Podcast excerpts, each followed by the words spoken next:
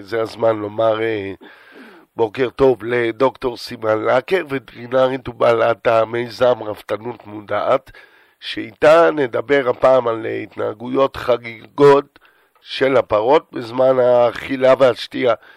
סימן, בוקר טוב. בוקר טוב. מה שלומך? מצוין, מה שלומך? אני, אני בסדר. קצת מצונן, אבל הכל בסדר. אה, אז כדי להבין מה חריג בהתנהגות של הפרות בזמן האכילה והשתייה, אנחנו צריכים קודם להבין מה נורמלי. אז בואי תתארי לנו התנהגות אכילה נורמלית של פרות. אמ, בסדר. אמ, אם אנחנו מדברים על פרה כחיית מרעה, אה, כמו שהיא במקור, אמ, בגלל שהיא חיית מרעה היא אוכלת כשהראש שלה מופנה כלפי מטה, כלפי האדמה. אז בדרך כלל כשפרות מגיעות לאיזשהו אזור שיש, שיש מזון אוכל, אז כל פרה מתחילה לאכול בנקודה מסוימת, עם ראש כלפי מטה, ואז היא מתקדמת משם בהתאם למקום שיש בו עוד מזון. כאילו יש לה איזושהי תנועה שהיא עושה במהלך האכילה. Um, עוד דבר שקשור לאכילה שלהם זה חשיבות למיקום של הרגליים של הפרה בזמן שהיא אוכלת. זאת אומרת, חשוב לה למקם את הרגליים בצורה יציבה ונוחה ובמישור. זאת אומרת שהמיקום של הרגל והראש הם באותו, באותו הגובה. אמ, גם פרות שאוכלות עם הראש כלפי מטה, עשו איזשהו מחקר והראו שהן מייצרות 17% יותר זיו. זה באמת אה, טוב להם ומשפיע ישירות על התפקוד של הכרס. מבחינה בגדול ובכללי, התנהגות אכילה נורמלית זה ראש כלפי מטה ושהגובה של האוכל והרגליים באותו הגובה. זאת אומרת, למבנה החצר של הפרות באזור האבוס, יכולה להיות השפעה על ההתנהגות שלהם, על התנהגות האכילה שלהם. בטח, ברור. אמ, יש לזה חשיבות מאוד אה, גדולה למבנה, איך אנחנו עוצרים את החצר או את האבוס. אמ, זה משפיע גם על ההתנהגות וגם על הצריכה של המזון. אמ, במיוחד זה חשוב הגישה למזון. אה, יש לזה תפקיד אה, חשוב. אם אנחנו נשווה למשל אכילה לאורך אבוס, כמו שיש ברפתות בארץ, לעומת אכילה מסביב לאיזשהו מתקן אכילה שנמצא באמצע החצר, אז אכילה לאורך האבוס, אז הפרות הן אוכלות למשך זמן ארוך יותר. הראו אפילו שהן אוכלות ב-26% יותר לעומת אכילה מסביב למתקן, כי אבוס ארוך בעצם מונע את התחרות הזאת שיכולה להיווצר מאכילה משותפת מסביב לאיזשהו מתקן. והיא גם מאפשרת לפרות אה, לזוז ולהתקדם לאורך האבוס, כמו שהן עושות באכילה במגע. הן כל פעם אוכלות וזזות קצת לאורך האבוס. אז בואי, אה, בואי נדבר רגע על מה שבאמת מעניין, וזה okay. אוקיי. ההתנהגות של זריקת המזון לאחור, שאת נכון. יודעת, כולנו רואים את זה מדי פעם אצל הפרות okay. כן. ברפת. Okay. כן. אה, את יכולה לתאר לנו קצת את התופעה הזאת? כן, זה למאזינים שהם לא רפתנים, כל רפתן יודע על מה אנחנו מדברים. אמ, מה שקורה זה בזמן שהן אוכלות את המזון ביבוש, אז חלק מהפרות, הם, בעזרת הפה שלהם ואף הן תופסות איזושהי כמות של אוכל והן מעיפות אותו למעלה ואחורה, כלפי הגב שלהם, עד שהוא נוחת בעצם באזור שבו הן עומדות, כאילו מאחורי האבוס. אמ, ואפשר לראות את ההתנהגות הזאת בערך בעשרה אחוז מהפרות אה, בעדר. מה שחשוב לציין זה שבדקו מה המשמעות של הפרות האלה שזורקות אחרות האוכל, והתופעה הזאת יכולה לגרום לעד חמישה אחוז בזבוז של המזון במנה שמחלקים לפרות. ומה גורם להתנהגות הזאת?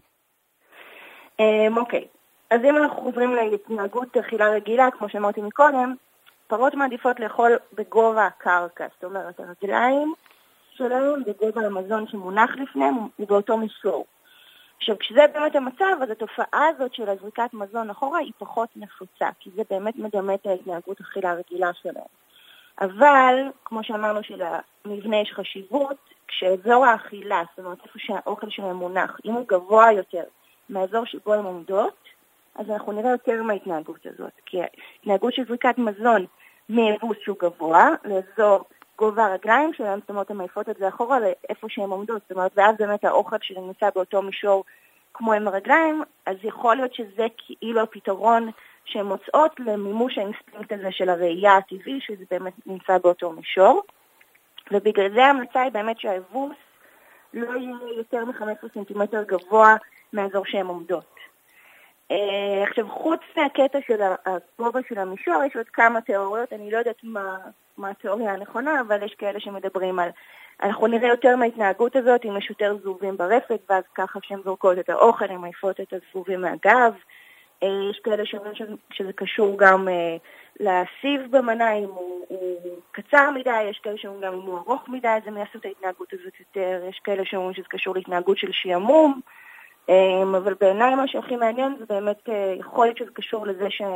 להתנהגות אכילה הטבעית, ובעצם אם זה גבוה יותר אז זה מציק להם, כי זה לא... אוקיי, בואי אה, נעבור עכשיו אה, להתנהגות שתייה של פרות. אוקיי, כן. מה ההתנהגות שתייה נורמלית של פרה? בגדול זה, זה פשוט, זאת אומרת, כשפרה שותה, אמ, אז היא, היא מגיעה לשוקת, או בטבע אז היא מגיעה לאיזשהו אגם, או מה שזה לא יהיה. הן שמות את, ה, את הפה שלהן במגע עם המים, והן פשוט שואבות את המים כלפי מעלה לתוך הפה. זאת אומרת, בתהליך השתייה להם יותר מדי שימוש בלשון. זה יותר כאילו להניח את הפה ולשאוב את המים כלפי מעלה. ככה זה התנהגות שהיא טבעית, התנהגות שתייה טבעית. הבנתי, אבל את יודעת, אצלנו ברפת אנחנו רואים פרות שבשוקת לא שותות בצורה נכון. הזו, כמו שאת מתארת. זה כן, נראה, את יודעת, כן. זה נראה כאילו הן משחקות עם המים. למה? נכון, בדיוק. למה הן עושות את זה? סליחה, אתה מתאר בעצם, כאילו לא כל הפרות הזו עושות את זה, כמו עם האוכל, נכון. את זה. מה שהן עושות, הן בעצם כאילו, זה נראה שהן מלקקות את המים עם הלשון, הן משחקות עם המים. אה, במקום לשאוב ולשתות, הן פשוט אה, מכניסות את הראש לתוך המים, מעיפות את המים החוצה.